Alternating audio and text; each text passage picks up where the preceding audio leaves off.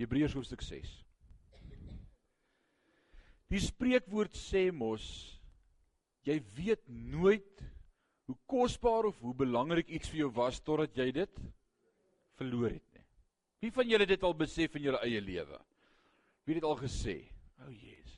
Wow, ek het nooit besef wat het ek gehaat totdat ek dit nie meer het nie. Dalk was jy in jou ouer huis gewees en hulle het vir jou gesorg en jy het dit nie waardeer nie. En die dag toe jy nou eie potjie moet krap, toe sê jy, "Ag, oh, ek, het nooit besef wat het ek gehaat totdat ek nou my eie potjie moet krap nie." Dalk was daar iemand in jou lewe gewees. Want jy het nie daardie persoon waardeer genoeg waardeer nie. Nooit besef hoe regtig staat jy op daardie persoon maak nie. En dan sê jy na die tyd, "Eers like, hoekom het ons hulle nie weer meer waardeer terwyl ons hulle gehad het nie? Dalk ouers, dalk 'n ma en 'n pa." dalk iets in jou lewe wat jy verloor het en ewe skielik besef jy, "Jog, eintlik kon ek nie sonder dit gewees het nie." En ons elkeen se lewe beleef ons dit en het ons dit sekerlik al beleef. Wanneer daar nie meer iets is nie, besef ons eers gewoonlik die waarde daarvan. Die waarde van iets. Wie van julle besef die waarde van julle gesondheid? Jy besef dit nie tot die dag dat jy begin skade ly in jou gesondheid nie. Dan besef jy die waarde van goeie gesondheid. En dis juis presies waaroor die skrywer van hierdie boek en ek glo dis my dom beskeie mening dat ek dink dit was Paulus wat hierdie Hebreërsbrief skryf. En dis presies waaroor die skrywer of die outeur van hierdie boek praat met hierdie groep. Wie's die ouens aan wie hy hierdie brief skryf? Hebreërs, Jode wat hulle tot Christus bekeer het, tot inkeer gekom het, wedergeboorte beleef het en nou skryf hy vir hulle hierdie brief omdat hulle wil teruggaan na die eerste dinge wat hulle in hulle lewe beleef het, Judaïsme. Hulle wil teruggaan na die brand van wierook en die offer van diere en bloed en die geswies van die rokke. Hulle wil teruggaan na die bekende dinge. En dan skryf hy vir hulle juis hieroor. Hy sê moenie net moenie net teruggaan daarin nie. Hierdie skrywer probeer hulle juis help om op Jesus gefokus te bly, anders gaan hulle dit verloor. En voordat jy nie verloor het nie, besef jy nie hoe awesome is dit wat jy het nie. So he's trying to warn them not to lose what they have for when they lose it it's something maybe you can't have it again. En dis juist waaroor hierdie hoofstuk gaan, hoofstuk 6. Belangrik om kennis te neem dat Hebreërs 6 sekerlik ook een van die duiwelse gunsteling skrifgedeeltes in die woord is. Want jy geweet die duiwel het 'n paar favourite verse in die woord. Nie geweet nie. Het jy geweet die Bybel ken, die duiwel ken die Bybel. Oh, he's a very very very good. Ja, hy's 'n baie goeie eksegeet. Hy ken die skrifte van die begin af. Ken hy die skrifte. Maar hy kan nie preek nie. Party duiwels preek, maar alraai, dit daar gelaat. So hierdie gedeelte is sekerlik een van die favourite gedeeltes van die duiwel wat hy baie keer gebruik om in kinders van die Here se lewe depressie te wek en hartseer te wek en by baie Christene angs te wek oor hierdie gedeelte in Hebreërs hoofstuk 6 waarna ons vanaand gaan kyk. Hebreërs 6 is 'n moeilike gedeelte. Dis een van daai goed wat jy nie as jou favourite preek preek in 'n gemeente nie. Maar ek dank die Here vir hierdie journey waarop ons nou al vir 7 jaar is in Sion van Sonde aan se woordskool. Want dit forceer ons om na elke vers in die Bybel te kyk. Ons kan nie vers 1, 2 en dan 7, 8 en 9 na kyk en nie vers 3 tot 6 nie. Ons moet na elke vers kyk. En ek dink as ek moet eerlik wees dan Hebreërs 6 een van die gedeeltes wat ek sekerlik in my bediening sou wou skiep. Maar ons moet vanaand hiermee deel. Dis 'n ernstige baie ernstige deel waarna ons moet kyk vanaand. En onthou, die duiwel ken die woord van die begin af. Het hy vir Eva gevra, is dit regtig so dat God gesê het. Nou hoe praat God met my en met jou? In sy woord. En die duiwel kom nog steeds aan hy bevraagteken die woord van God in my en jou lewe. So hoofstuk 6 Dis 'n ernstige waarskuwing. En nou begin die skrywer vanaand met die woorde in die eerste woord in jou hoofstuk 6 vers 1 is die woordjie daarom. Daarom verbind hierdie gedagte wat hy vanaand met ons oor gaan praat met die vorige gedagte. Dis baie belangrik dat ek en jy altyd moet onthou as dit kom by Bybel lees dat daar nie in die oorspronklike teks hoofstukke en versnommers in die teks was nie. Dis een storie. En Bybelvertalers probeer dit vir my en vir jou maklik maak in die eerste plek om as ons iewers ter lees om almal ewe vinnig by daai plek in die Bybel te kan arriveer. Anders gaan ons sê in Hebreërs die 7250ste woord. Dit gaan bietjie moeiliker vat om daar uit te kom. So hoofstukke en versnommers is eenvoudig daar ingesit om vir my en vir jou te help om die plek vinnig te kry. Hoe het hulle besluit op hoofstukke? Hoofstukke het hulle gesê, "Oké, okay, hierdie is een gedagte. So kom ons sit hierdie in een hoofstuk. Ons maak hierdie hoofstuk 5 en hierdie lyk vir my die gedagte verander bietjie. Kom ons maak dit hoofstuk 6 en so is die hoofstukke ge, gekonstrueer. So nou begin hy vanaand met hoofstuk 6 en hy sê daarom wat vir my sê hy is besig met dieselfde gedagte waarheen hy in hoofstuk 5 met ons oor gepraat het. En wat het hy in hoofstuk 5 met ons oor gepraat? Hy het gepraat oor Melchisedek. Kan jy dit onthou? Melchisedek, was dit te lank terug vir party? Was voor die vakansie gewees. En voordat dokter Lemmer hier was en ons en ons laasweek gebless het. Alraai. Hoofstuk 5 vers 10 het die volgende gesê: En is deur God genoem 'n hoëpriester volgens die orde van Melchisedek, waaroor ons veel te sê het wat swaar is om te verklaar omdat jy traag geword het om te hoor. Sê saam met my traag. Nie vertraag nie, net traag. Nou wat beteken die woordjie traag in konteks in Hebreërs 5? Wat beteken dit as hy sê ons het traag geword om te hoor? Jackie, what does the English version says there? Chapter 5 verse 11, the last part of that sentence. It says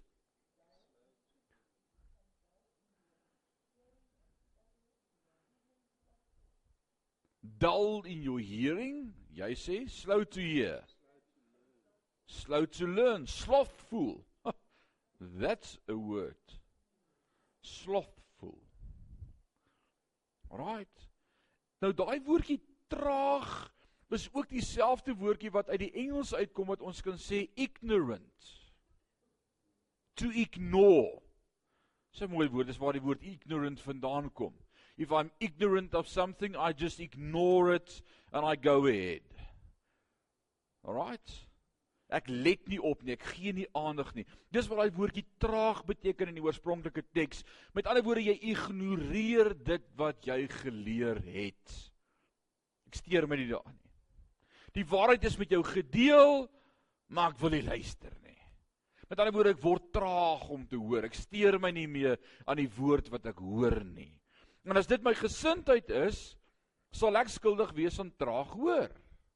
En daarom het ek myself altyd ondersoek, selfs hier, selfs op 'n oggenddiens, selfs in 'n bidtuur, selfs by 'n selgroep, selfs as ek voor die TV sit in 'n kerk luister of op die radio of na 'n preek eh, of die Heilige Gees met my praat en ek moet altyd vir myself sê, luister wat die Gees van die Here met jou praat.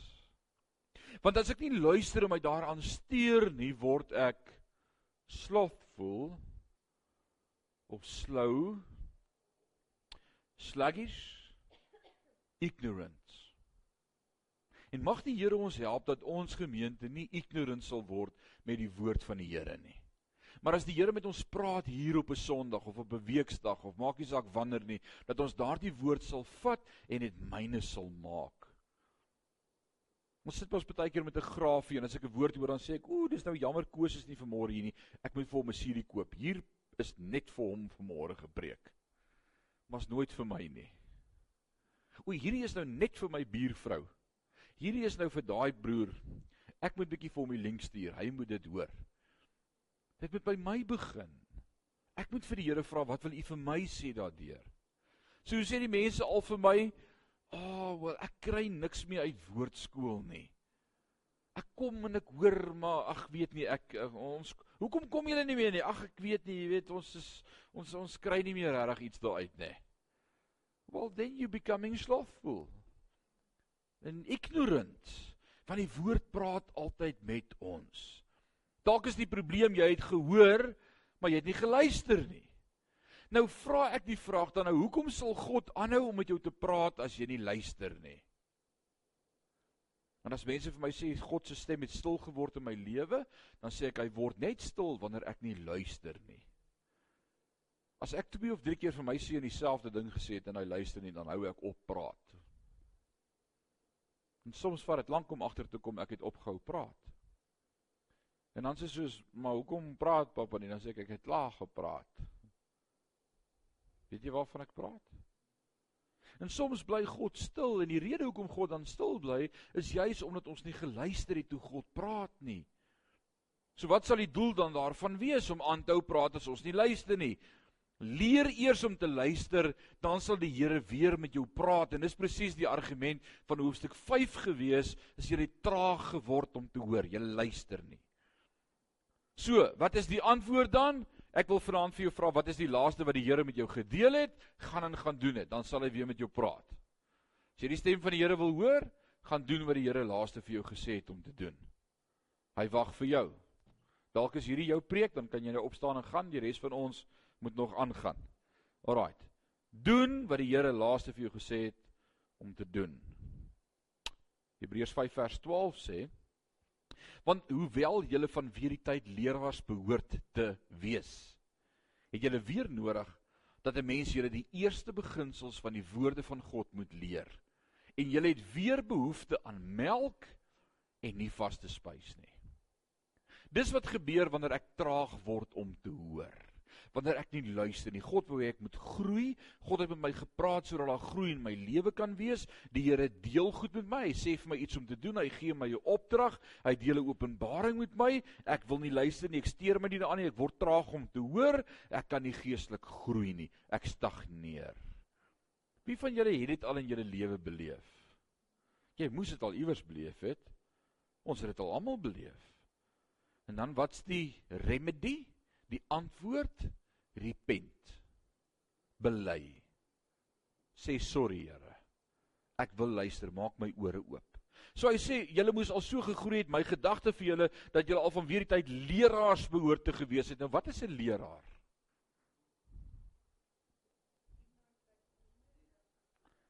Iemand wat onderrig gee, someone that trains other people. Lering. Alright. Lering. Is ek en jy almal geroep om leraars te wees? Dis nou 'n lekker preek hierdie. Johan, wat sê jy? Nee, nou hoekom leer jy jou vrou so baie?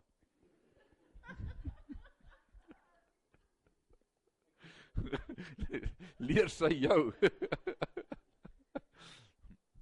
Johan sê nee. Wat sê jy?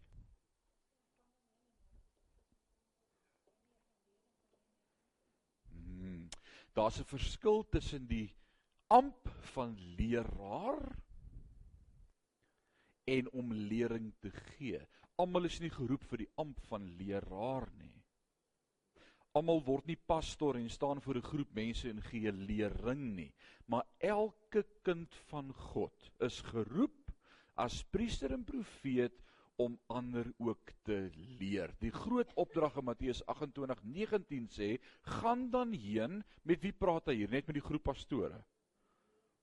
Dit sal 'n lekker een gewees het as ons dit kon sê, né? Pastoor, jy moet gaan. Die Here het mos gesê gaan julle moet gaan. Gaan dan heen en maak disippels. Nee, hy praat met elkeen van ons. Hy sê gaan dan heen maak disippels van alle nasies, doop in die naam van die Vader, Seun en Heilige Gees en leer hulle om alles te onderhou wat ek julle geleer het. Vir met wie praat hy? Almal. Met my en met jou. Matteus 22, die gelykenis van die bruilof. Die derde groep wat uitgestuur is, sê die Vader vir hulle, en nou gaan julle op al die kruispaaie, oralster, en maak bymekaar almal wat julle kan vind. En nooi hulle na die bruilofsmaal. Dis ons opdrag. Dis waar die skuif gekom het tussen die Jode en die kerkera wat aangebreek het. Die verborgenheid, die nuwe dispensasie van kerkteologie. So elkeen van ons word geroep om ander ook te leer. Ronnie, you have it? All right. So we ought to teach other people what what we learned in the word of God. As I grow, I teach others so that they grow. Soos ek hoor, share ek dit met ander sodat hulle kan groei. Dis waarvoor die Here ons geroep het. So nou wil ek weer vra, as hy hier in Hebreërs 5:12 sê hoewel julle van weer die tyd leraars behoort te wees, dink julle dis van pas op almal van ons? Ja. Is jy al 'n leraar? Nee. En dan praat die woord ook vanaand met jou. En sê van weer die tyd moes jy al 'n leraars gewees het, jy moes al ander kon leer, maar jy het weer nodig om by die begin te begin. En dis waaroor hoofstuk 6 vanaand gaan. Nou begin hy net die volgende sinnetjie en hy sê daarom daarom. En dit is belangrik om vanaand die die verband deur te trek. Verband is baie belangrik. Daarom omdat jy weer nodig het om die begin te begin. Daarom moet ons nie bly by die begin van die prediking aangaande Christus nie. Ons kan nie omdat ons nie geestelik groei nie en omdat ons nie luister nie en omdat ons nie omdat ons traag is om te hoor en ons kan nie net bly by die prediking aangaande die begin van Christus nie. Ons kan nie bly praat van liewe Jesus nie. Verstaan julle wat wat die skrywer probeer sê vanaand? Ons kan nie bly by die begin, by die ABC van die leer nie. The basic. Die basics. Ons moet groei. Daar's baie meer om te beleef en te ervaar as net die basics. Ons kan nie by die basics bly vashak nie. Ons kan nie elke Sondag aand bekering preek nie. Liewe genade, dis dieselfde mense wat elke Sondag aand hier sit.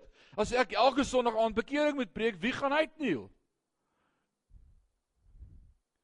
Maar ons is gewoond Sondag aan met evangelisasie dienste wees. Die pastoor moet bekering preek. Wie gaan uitniel? Wil ek sê van weer die tyd moes ons al leraars gewees het. Enige amen? Daar's hy, daar's daarom een. Alraai.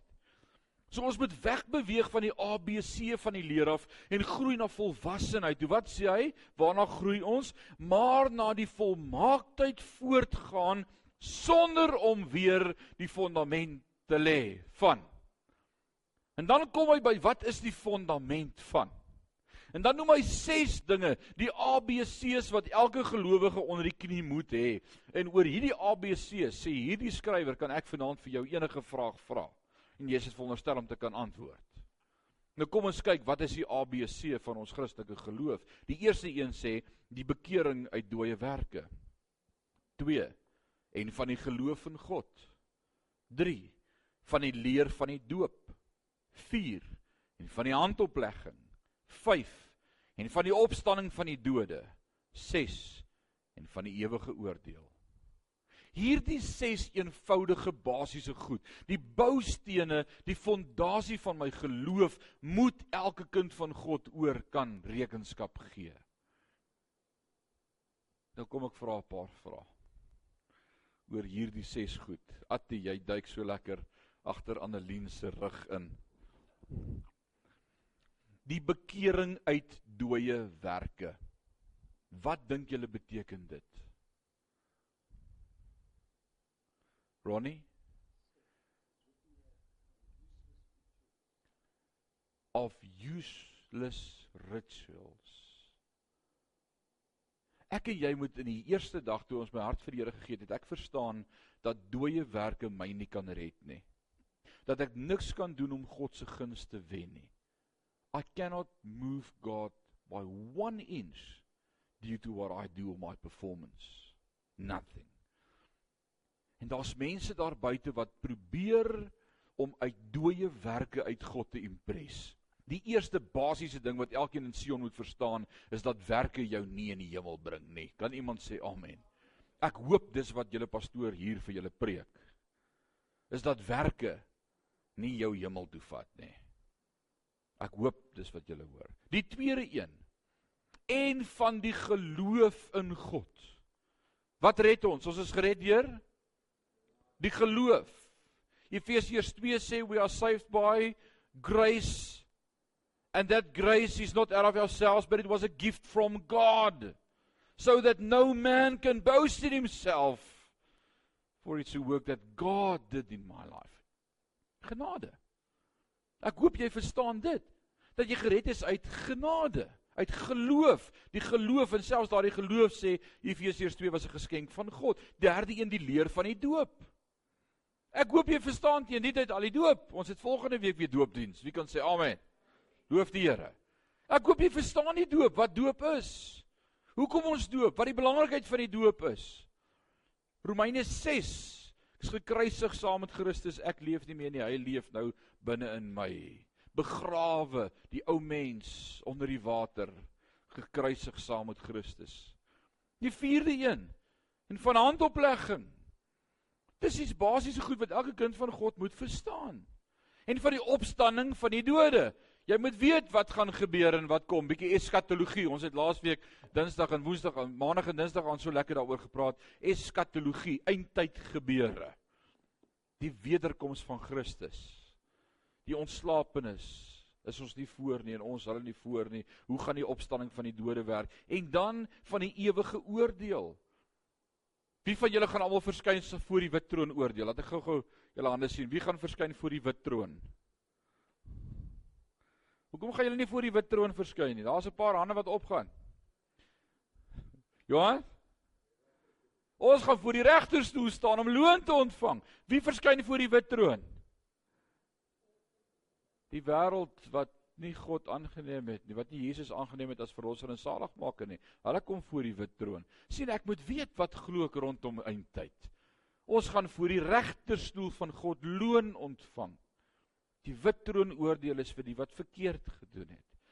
So Paulus kom en dan skryf hy dan sê hierdie basiese goed moet julle al geweet het. Julle moet dit verstaan. So met ander woorde wat ek vanaand vir jou kan vra is is dit die basiese goed wat jy al geshare het met iemand anders? Dis die basiese plan. Dit is die goed wat ek en jy kan share met ander. Morin kan jy WhatsApp. O. Alraight. So dis die basiese goed wat ek moet verstaan om die dinge van die, hierdie basiese die bekering van dooie werke, geloof in God, die doop, handoplegging, die opstanding, die ewige lewe. Dis wat ek en jy moet ander leer en ook self moet weet. So as iemand homself 'n leraar noem, is dit die goed wat hy veronderstel is om te leer. Kan iemand nou sê amen? So as jy wil weet of 'n leraar suiwer is, luister na wat hy praat oor hierdie ses goed. En of hy ses goed in sy bediening teenwoordig is, dis belangrik om te verstaan. 'n Goeie uitleg vir enige nuwe gelowige, selfs om jou kinders in jou huis dit te leer. Dis die basiese goed van ons geloof, dis die basiese boustene. Dis die basiese boustene. Nou kom vers 3 en hy sê en dit sal ons doen as God dit toelaat. En nou kom ons by die moeilike deel van Hebreërs hoofstuk 6. Ons verstaan nie maklike beginsels. Ons het dit vers 2, 1 en 2. Maar wat nou?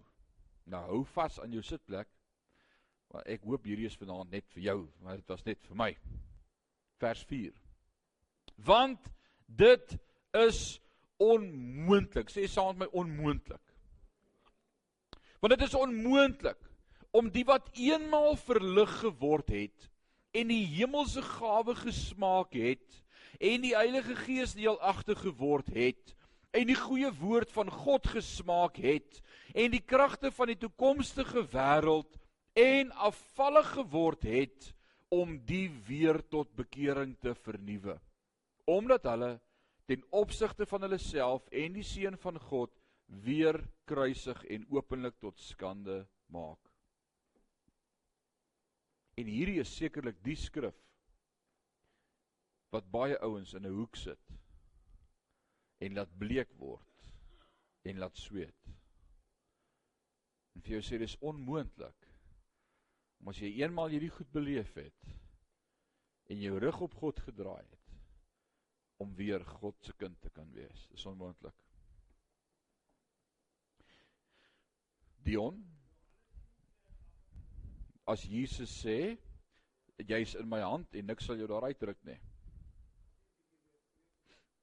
Glad nie. En ons gaan daaroor praat vanaand. So nadat hy sê kom ons groei aan, kom daar 'n waarskuwing as jy die fundamentele beginsels vergeet en terugbeweeg na waar jy was. As jy kies om jou nie te steur aan wat jy geleer het nie, aan jou nie te steur aan die groei wat daar in jou lewe was nie, want hoor wat sê hy alles? En vir die wat die brief lees, hulle wou weer teruggaan na Judaïsme, hulle wou weer teruggaan na die brand van van wierook en en en kersse swaai en offer bring en bloed en en al die dinge na die rituele. Dalk wil jy teruggaan na godsdienstigheid. Dalk wil jy teruggaan na ongeloof. Na jou ou lewe van partytjies en plesier, dit waarvan jy bekeer is en weggedraai het. Hoor wat sê hy, want dit is onmoontlik om die wat eenmal verlig geword het en die hemelse gawe gesmaak het en Heilige Gees deelagtig geword het en die goeie woord van God gesmaak het en die kragte van die toekomstige wêreld en afvallig geword het om die weer tot bekering te vernuwe omdat hulle ten opsigte van hulle self die seun van God weer kruisig en openlik tot skande maak. En dis 'n moeilike deel om mee te deel maar dit staan in die Bybel so ons moet daaroor praat. En hierdie gedeelte laat soveel mense dink hulle is verlore. Dat daar nie meer hoop is vir hulle nie. Hoekom? Omdat hulle teruggekeer het na hulle ou weë. Die Here het hulle verlos, hy het hulle nuut gemaak. Hy was alles in hulle lewe. Hulle het gewoordskool elke Sondag aand. Iewers het hulle weer die huidige wêreld liefgekry. Ons het vanmôre daaroor gepraat soos Demas terug begin beweeg, weer in die ou gebruike en rotine, in ritmes in, weer weg van die Here af. Beteken hierdie skrif dat hulle hel toe gaan nou? Dat hulle nou verlore is? Is dit wat dit beteken? Dis 'n skerry skrif. Atie, wat sê jy?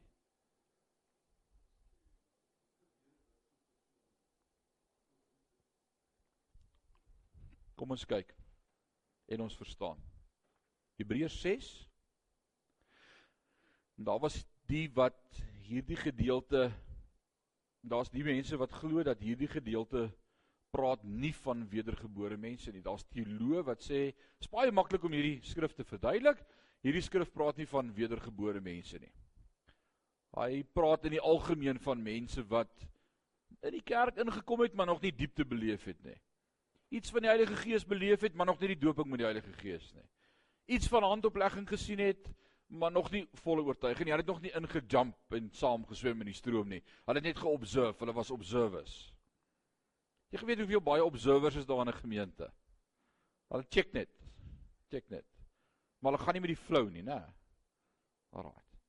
So daar's teoloë wat reken dat dat hierdie net praat van observers, ouens wat net hulle het nog nie wedergeboorte beleef nie. Ek sê nee, daar's nie 'n manier nie. Kan nie dit wees nie. Want in hoofstuk 5 praat hy om te verstaan dat Christus vir my gekruisig is, dat hy alles in my lewe is, dat hy die sonde voorbetaal het. So hy praat hier met wedergebore kinders van die Here. Die hele boek praat hy met hierdie ouens, hierdie groep Jode en hulle was wedergebore gewees. Dis nie ouens wat net geobserveer het nie. Dan is daar 'n tweede moontlikheid. Uh, ja, goed. Praat van 'n wedergeborene, maar dis net 'n narratief. Dis net 'n voorbeeld, dis 'n moontlikheid. Dis 'n sinopsis, maar dit beteken nie dit het gebeur nie. Dis net daar is 'n moontlikheid, maar dis nie die norm nie. Want hy sê want dit is onmoontlik om die wat. Met ander woorde dit, dit maar dis in die minderheid. So moenie daaroor worry nie, moet dit nie lees nie. Ek stem ook nie daarmee saam nie. Want hoofstuk 6 handel duidelik oor 'n persoon wat bekeer en wedergeboorte was en alles beleef het en weer voor wil begin. Dis waaroor die hoofstuk handel. En die woord sê dit is onmoontlik. Wat beteken dit? As ek sê dis onmoontlik. It's impossible.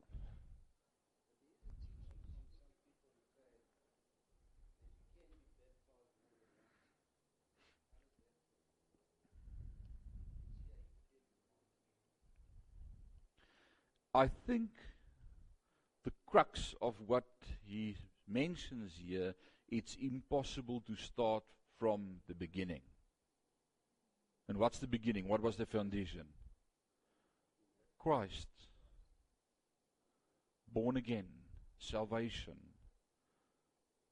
becoming a child of God. I cannot for a second time begin at the beginning. Nou hoe moet ek dit verstaan? Dit is baie moeilik hierdie teks. Hoor jy hoekom sê ek die duiwel gebruik hierdie teks baie keer om baie kinders van die Here in 'n hoek te sit en vir jou te sê, "Hm, jy het jou sonde gelos en toe jy dit nou weer gedoen, daar's nou nie meer vir jou redding oor nie. Jy's op pad hel toe." Geen redding vir jou meer nie, broer, jy's verlore. Sjoe. Want dis wat baie kinders van die Here verstaan hierdie teks sê. Maar daar is iets wat ek en jy moet verstaan. Kan jy onthou daar kom op 'n tyd in Jesus se bediening 'n ryk jong man by hom. En hy sê vir hom: "Goeie meester, wat moet ek doen om die ewige lewe te beerwe?" Hy sê vir hom die basiese dinge. Die gebod: Jy moet die Here jou God lief hê met jou hele hart, krag, siel, verstand en jou naaste soos jouself. En hy sê: "Ag, hierdie dinge doen ek alles van my jonkheid af." Ek het groot geword met die wet. Ek doen dit met 'n glimlag. En Jesus sê vir hom: "Oké, okay, ek het goeie raad vir jou. Gaan en verkoop al jou besittings. En deel dit uit aan die armes en dan kom jy dan volg jy my." Ah, oh, Jesus slaan die spyker op die kop want die ryk man was ryk. Hy het baie besittings gehad. En hy het hartseer geword en hy het weggegaan. Gaan julle dit onthou? Gaan julle daai gedeelte onthou? Die probleem was, hy het geld gehad. En wat sê Jesus nadat die jong man wegdraai en wegloop? In Markus 10 vers 25 sê hy: "Dis makliker vir 'n kameel om deur die oog van die naal te gaan as vir 'n ryk man in die koninkryk van God in." Dit is 'n terrible statement om te maak. Theo, beteken dit ek en jy moet arm wees? Beteken dit net arme mense gaan hemel toe? Maar dit lyk vir 'n oomblik klink dit so. Die probleem is enige iets wat vir jou belangriker is in jou lewe as God en eerste prioriteit het in jou lewe, dis wat jy altoe vat. God wil eers in jou lewe wees. Ons het vanmôre daaroor gepraat om die eie ek af te lê. Is God eerste in my lewe? Dis die vraag. God het nie 'n probleem met geld of ryk wees nie. Hy het 'n probleem daarmee as dit jou God is. En ons die vraag dan nou, wat gevra word daaronder die Jode en onder die Fariseërs en die Sadduseërs en almal was uitermate verslae. En dan kyk hulle vir mekaar en amper soos wat ons vanaand in Hebreë 6 kyk en dan sê hulle wie kan dan gered word? As hy sê deur die oog van die naald, die oog van die naald is een van die poorte by die ou stad in Jerusalem. Ons was daar gewees. Dis 'n kleinerige poort en die enigste manier wat 'n kameel daar sou kon ingaan is op sy knieë. Sonder bagasie. So jy moet die ding wat groot is in jou lewe eers op sy knieë kry. Dan is dit moontlik. En ek dink dis die konteks waarbinne daai skrif geskryf staan. Maar dan vra hierdie klomp vir mekaar, nou is wie wie gaan dan gered kan word? Dis dalk wat ons vanaand vra oor hierdie gedeelte in Hebreë 6. Is nou wie gaan wie gaan dan gered word? En dan sê Jesus en hy sê dit twee plekke. Matteus skryf dit vir ons in Matteus 19 vers 26 en Markus skryf dit vir ons in Markus 10 vers 27. Twee evangelies, twee disippels skryf dit vir ons neer en maar Jesus het hulle aangekyk en geantwoord: By mense is dit onmoontlik maar by God is alle dinge moontlik. By mense is daar sekere goed wat onmoontlik is, maar dank God by hom is alle dinge moontlik. Wie kan sê amen? Iemand het weggedraai van Christus. Maar by God is dit moontlik om weer sy siel te red. As ons by Hebreërs 10 vers 26 kom, gaan ek vir jou Hebreërs 6 vers 4 en 5 verduidelik. Maar dit het te doen met presies dieselfde want Hebreërs 10 vers 25 en ek ken ook die skrif uit my kop sê Ek sê, jy gaan dit met uit edit, Jacques dadelik. Hebreërs 10 vers 25 sê en laat ons nie die onderlinge byeenkomste afskeep soos wat sommige die gewoonte het nie, maar laat ons mekaar vermaan en dit des te meer na mate hierdie dag van God sien naderkom. Vers 26 sê want as iemand opsetlik aanhou met sonde nadat hy tot die kennis van die waarheid gekom het, bly daar vir hom geen offer meer noor nie. Dis 'n vreeslike stelling. As iemand opsetlik aanhou met sondig nadat hy tot die kennis van die waarheid gekom het, opsetlik aanhou, dit bring konteks. Opsetlik aanhou, opsetlik aanhou met sondig nadat hy tot die kennis van die waarheid gekom het, bly daar nie meer vir hom 'n offer oor nie.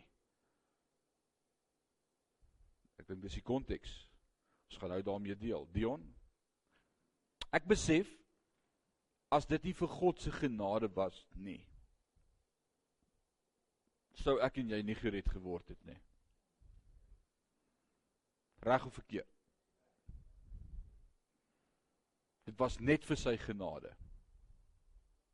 Hoeveel keer moes die Here met jou praat om jou tot God te bekeer voordat jy geluister het op sy roepstem? Jy die eerste keer geluister, klaar, koop, klaar, perfek, volmaak, daar gaan jy. Party van ons was bietjie meer alstadig geweest jy die pad geken, jy het die woord geken. Jy het groot geword in die huis van die Here. Maar jy het teruggestap in die wêreld in en jou pad gaan stap en jou ding gedoen en time again het die Heilige Gees met jou gepraat en jy het jou hart verhard en aangehou met sonde, aangehou in jou sonnige gewoontes tot die dag wat die Here jou vat en jy het gedog as jy wat jou hart vir die Here gee en as ek terugkyk besef ek dit was God wat my kom skud het. Ek het gedog ek kies, hy het my gekies. Hy het my kom haal was nie ek nie, dit was hy. Ek wou nie glo nie, hy het my laat glo. Dit is alles sy genade en sy goedheid. Alraight. Ek glo dit is moontlik as iemand wegdraai van God af. En nou kom ek by mat, by wat ek glo. So kom ek help jou daarmee. Ek glo, dis moontlik dat as iemand wegdraai van God af en dit is waar wat jy gesê Dion, dit gaan nie oor Jesus ek het nou weer slip up en ek het nou weer my meer verloor of ek het nou weer 'n bottel gegryp en my paralytiek gedrink of ek het nou weer op die kinders geskree of ek praat nie van sonde nie, ek praat van om 'n keuse te maak om weg te draai van God af en weg te stap.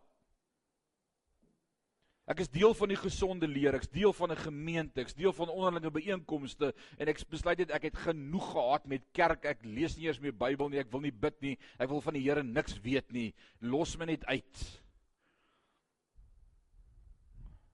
Ons mense wat dit beleef en wat daardeur gaan en ek glo en hier kom dit dat iewers dit net een keer te veel gaan wees en daar nie meer vir jou genade gaan wees om terug te kom na God toe nie. By God is alle dinge moontlik.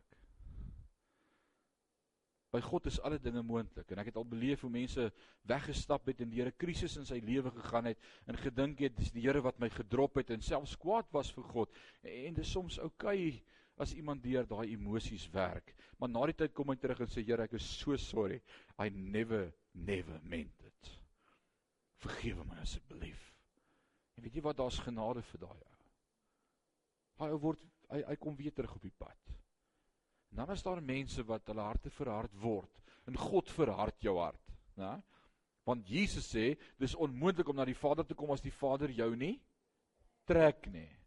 He must draw you nearer. If he doesn't draw you you can't come.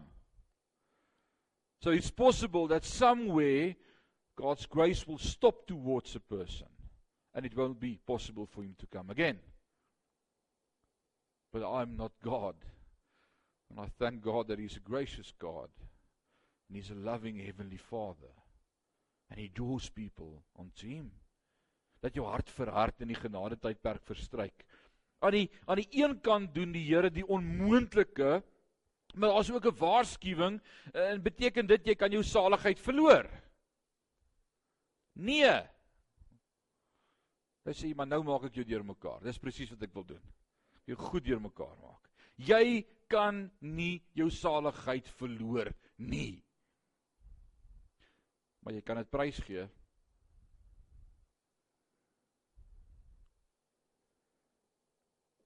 Jy kan nie jou saligheid verloor nie. Maar jy kan wegstap van dit af. Jesus sê in Johannes 10 en dis die vers waarna jy verwys het net nou wat sê niks sal jou uit my hand uitdruk nie. Jy's verseker God red jou. Want jy kan wegstap van dit af en kies ek het genoeg gehad van kerk en van God. Ek glo nie meer nie. En terrible is dit vir so ou. Want dis met hom wat die woord vanaand praat. En jy, as jy weet wat reg is en jy's op daardie plek en jy verstaan sekuriteit in God se hand en redding en bekering en handoplegging en doping met die Heilige Gees en die groot doop en al hierdie goed wat jy beleef het en jy wegstap van dit af. Dan kan jy nie weer voorbegin nie. So don't walk away. En ek dink dis die waarskuwing wat hierdie skrywer van hierdie boek aan hierdie groep Jode rig is om te sê don't go back to the past. Go forward to the future with Christ and in Christ. Dan Elsie wil jy iets sê?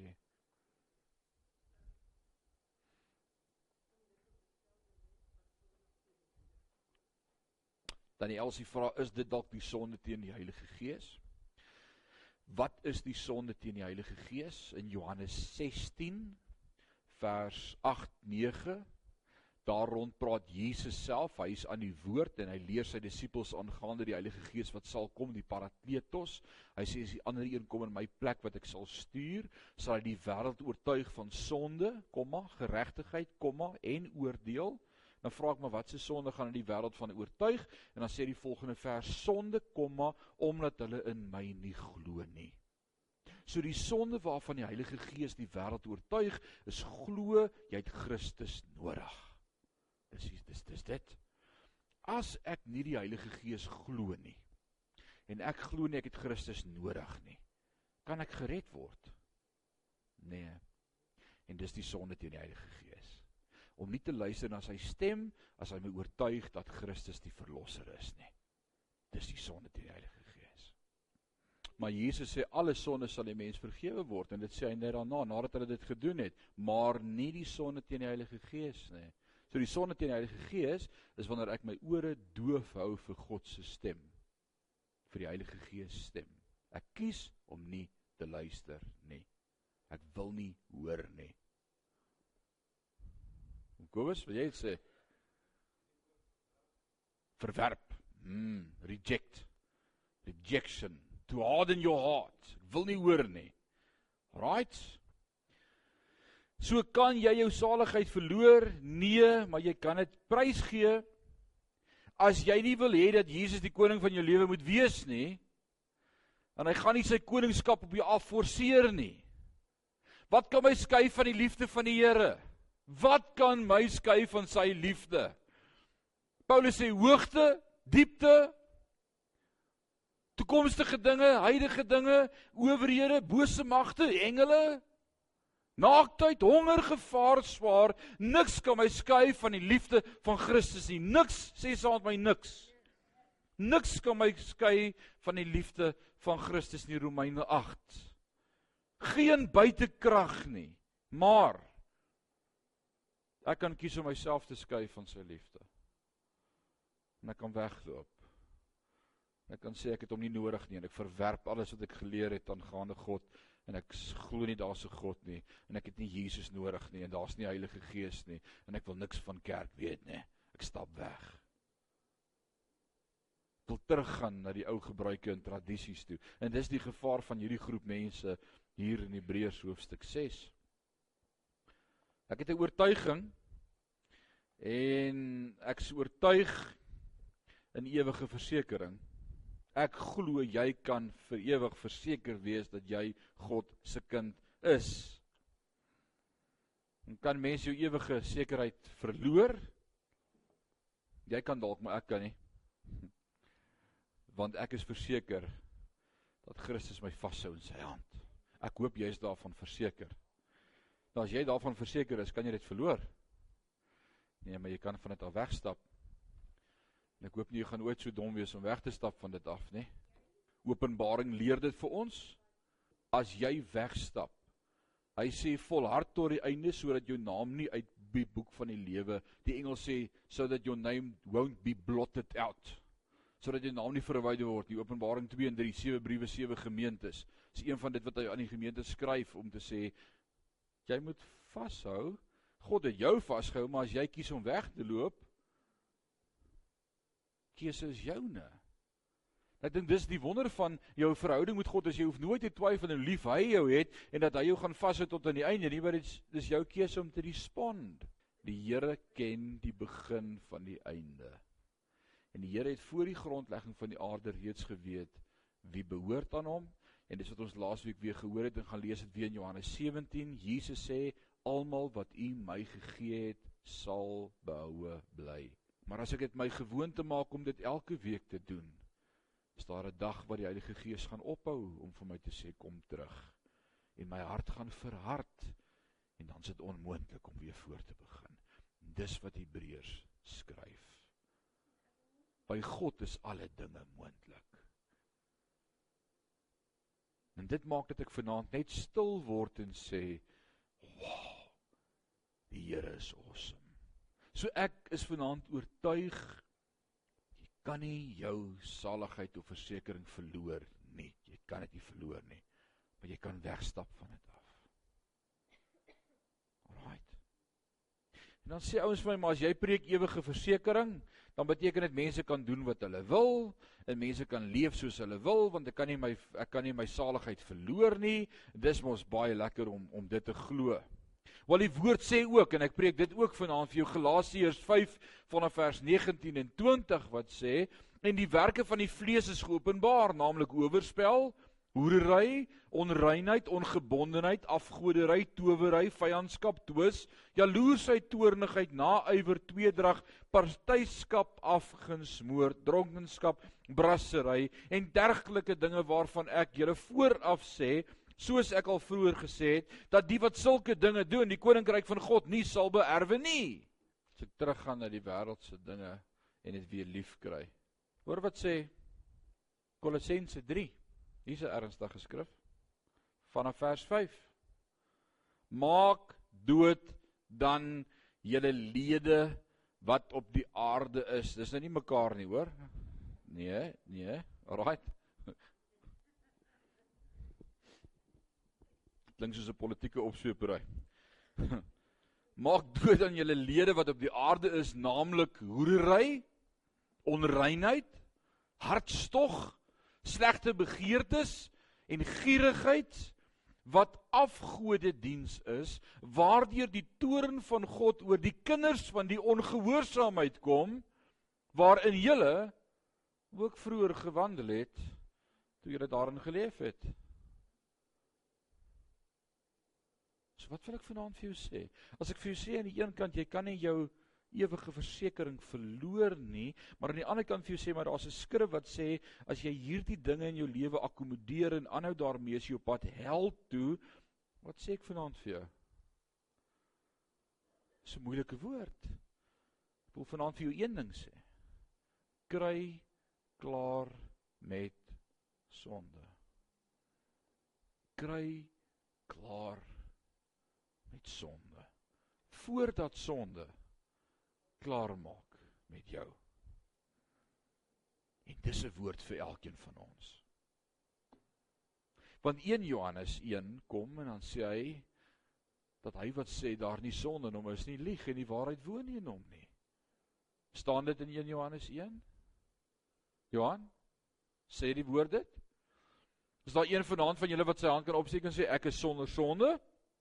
Gou die hande sien. Kom aan. Gaan die Here drop my regtig. Staan niemand wat sonder sonde is nie eers een vanaand nie.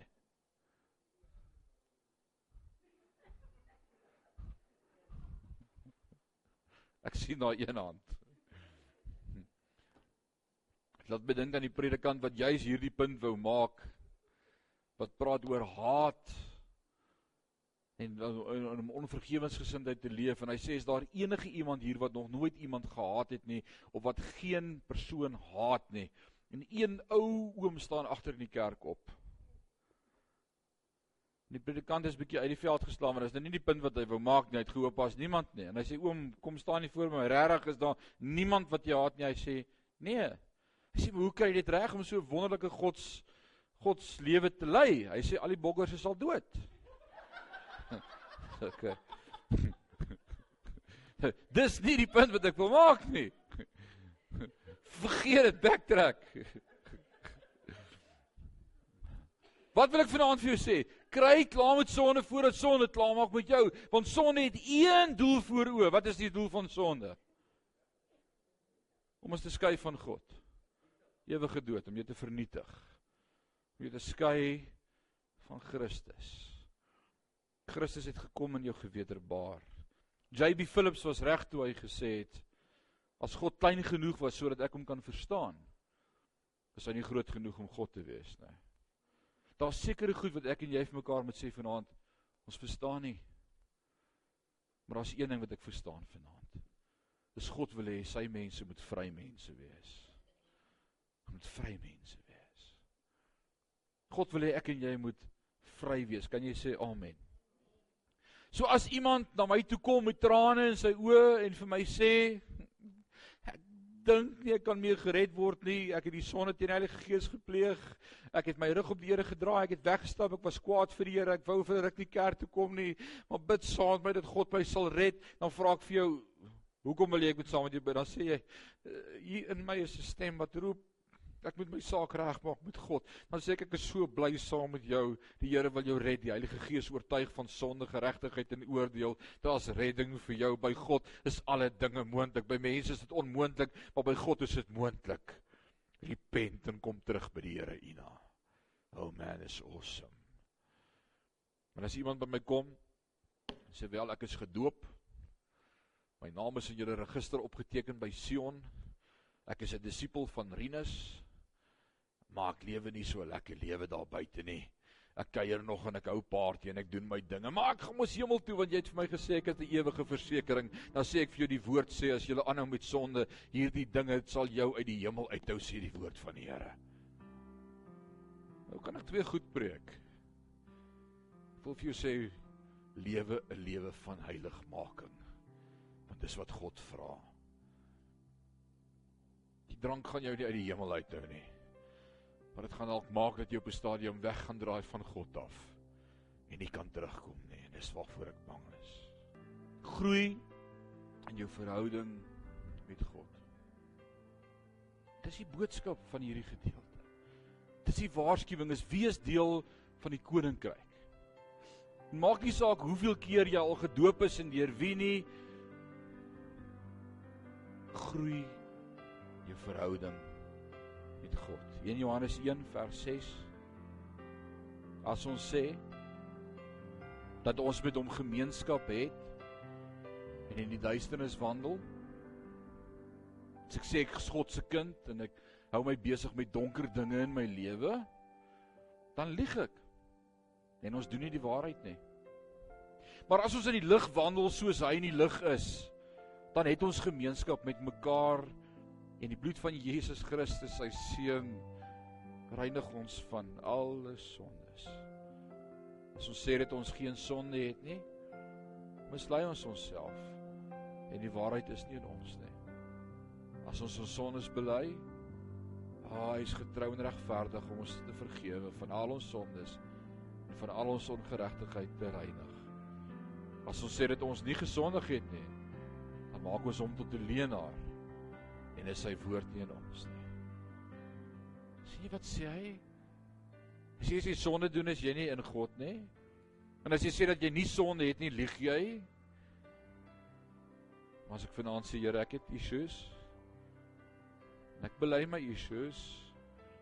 Dan sê die Here, ek vergewe jou jou issues. En die waarheid is in jou en jy's my kind. So ek vanaand wil sê is moenie goed in jou lewe ignore nie. Deel daarmee. Praat met die berge in jou lewe. Praat met die dinge wat jou weghou van 'n lewe van oorvloed en oorwinning af. Sê Here, help my om hiermee te deel. Voordat daardie goed jou wegvat van God af en dit dalk vir jou onmoontlik word om terug te kom. Right. Dalk sê jy maar ek sukkel met sonde. Beteken dit ek behoort nie aan die Here nie as ek met sonde sukkel? Nee, Paulus skryf in Romeine 7 en ons het vanmôre daarmee gedeel as hy sê ek sukkel met hierdie stryd tussen die vlees en die gees. Met my gees besluit ek een ding, maar my vlees wil iets anders doen. Ek sukkel daarmee. Maar my hart behoort aan die Here. Is gered deur geloof. Deur die genade en ek's vasgebind aan die Here, maar ek struggle met my vlees. Maar as ek val met my vlees, dan bely ek dit dadelik en ek sê Here, sorry. My vergewe my.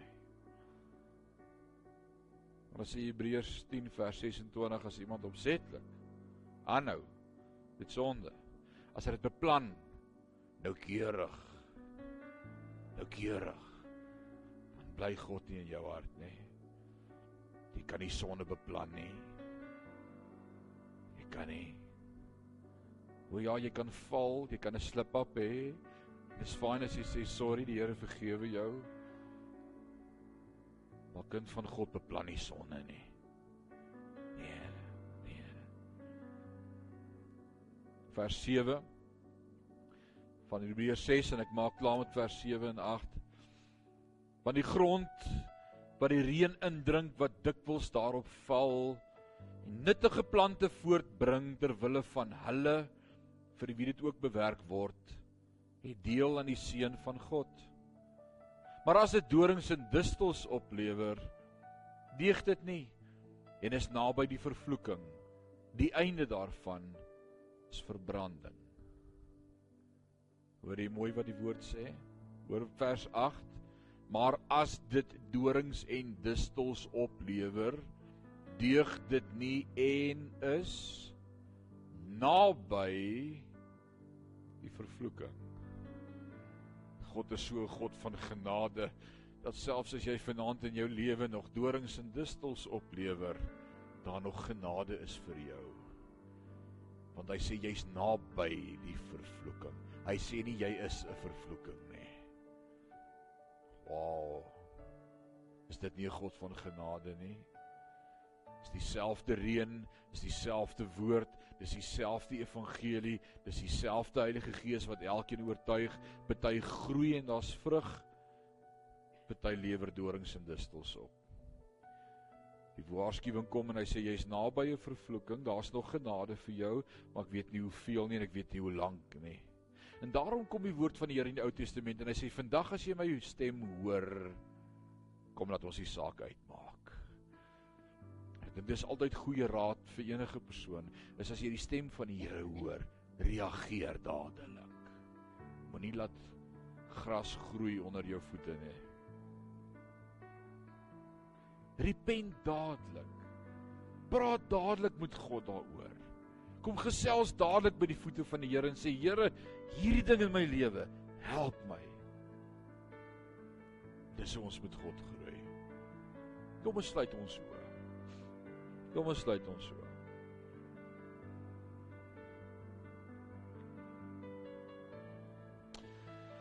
Ek weet die Here het vanaand met van ons gepraat. En hierdie was nie evangelie boodskap nie en ek het nie sonde gepreek nie. Ons het net gekyk na wat sê die woord van die Here in Hebreërs 6. Maar ek weet God het vanaand met van ons gepraat. En ek wil jou 'n geleentheid gee vanaand om te respond om te kan antwoord op sy roepstem wil vanaand nie net bid dat jy huis toe gaan nie. Ek wil seker maak dat jy hierdie geleentheid gebruik vanaand om met God te praat. Net waar jy sit, wil jy nie 'n oomblik vat en met hom praat nie. As daar dinge in jou lewe is wat nie reg is tussen jou en die Here nie, sorg dit nou uit. Nou. Sê Here, dankie dat daar nog genade is. Dankie dat U my nog oortuig van sonde en geregtigheid en oordeel. Dankie dat ek nog U stem hoor. Dankie dat U my met my praat. Dankie dat U by my pleit. Dankie dat U my nader trek. Dankie vir genade. Dankie vir Christus. Dankie vir wedergeboorte. Dankie. Dankie vir die voorreg wat ons het om kinders van God te wees. Maar as God se stem in jou lewe stil geword het, wil ek jou vanaand vra, maak seker. Maak seker dat jy vanaand met hom praat en dit uitsort. Vader, ek wil vanaand saam met elkeen bid. Ons is elkeen in ons eie struggle in ons eie lewe en ons bely vanaand soms kry die vlees die oorhand. Ons tree onwelvoeglik op, ons verloor ons hier meer, ons is grumpy, ons is nie vriendelik nie, ons ons is bevooroordeeld en en ons elkeen se lewe is daar soveel issues wat ons maar het. Ons bely vanaand dat ons het U lief. En dankie dat U ons gewederbaar het deur die Gees en dankie dat U 'n werk in ons begin het en dankie dat U met ons besig is en dankie dat U ons verander stukkie vir stukkie om te lyk like, soos wat U wil hê ons moet lyk. Like. Dankie dat U ons nie los nie en dankie dat U ons daardie versekering gee dat U ons vashou in die holte van U hand en dankie dat ons aan U behoort en dankie dat U almal wat aan U gegee is behou sal bly. Here, ons kies vanaand om net in U hand te bly. Ons kies vanaand om nêrens te gaan waar U nie is nie. Ons kies vanaand om net U vrede te beleef en te ervaar. Ons kies vanaand om met U te praat oor ons sonde. Ons weet U woord sê daar's niks wat ons kan skei van U liefde nie. Maar ons wil ook vanaand 'n keuse maak om te sê ons wil niks kies wat U nie vir ons kies nie. Ons wil by U bly. Ons wil by U wees.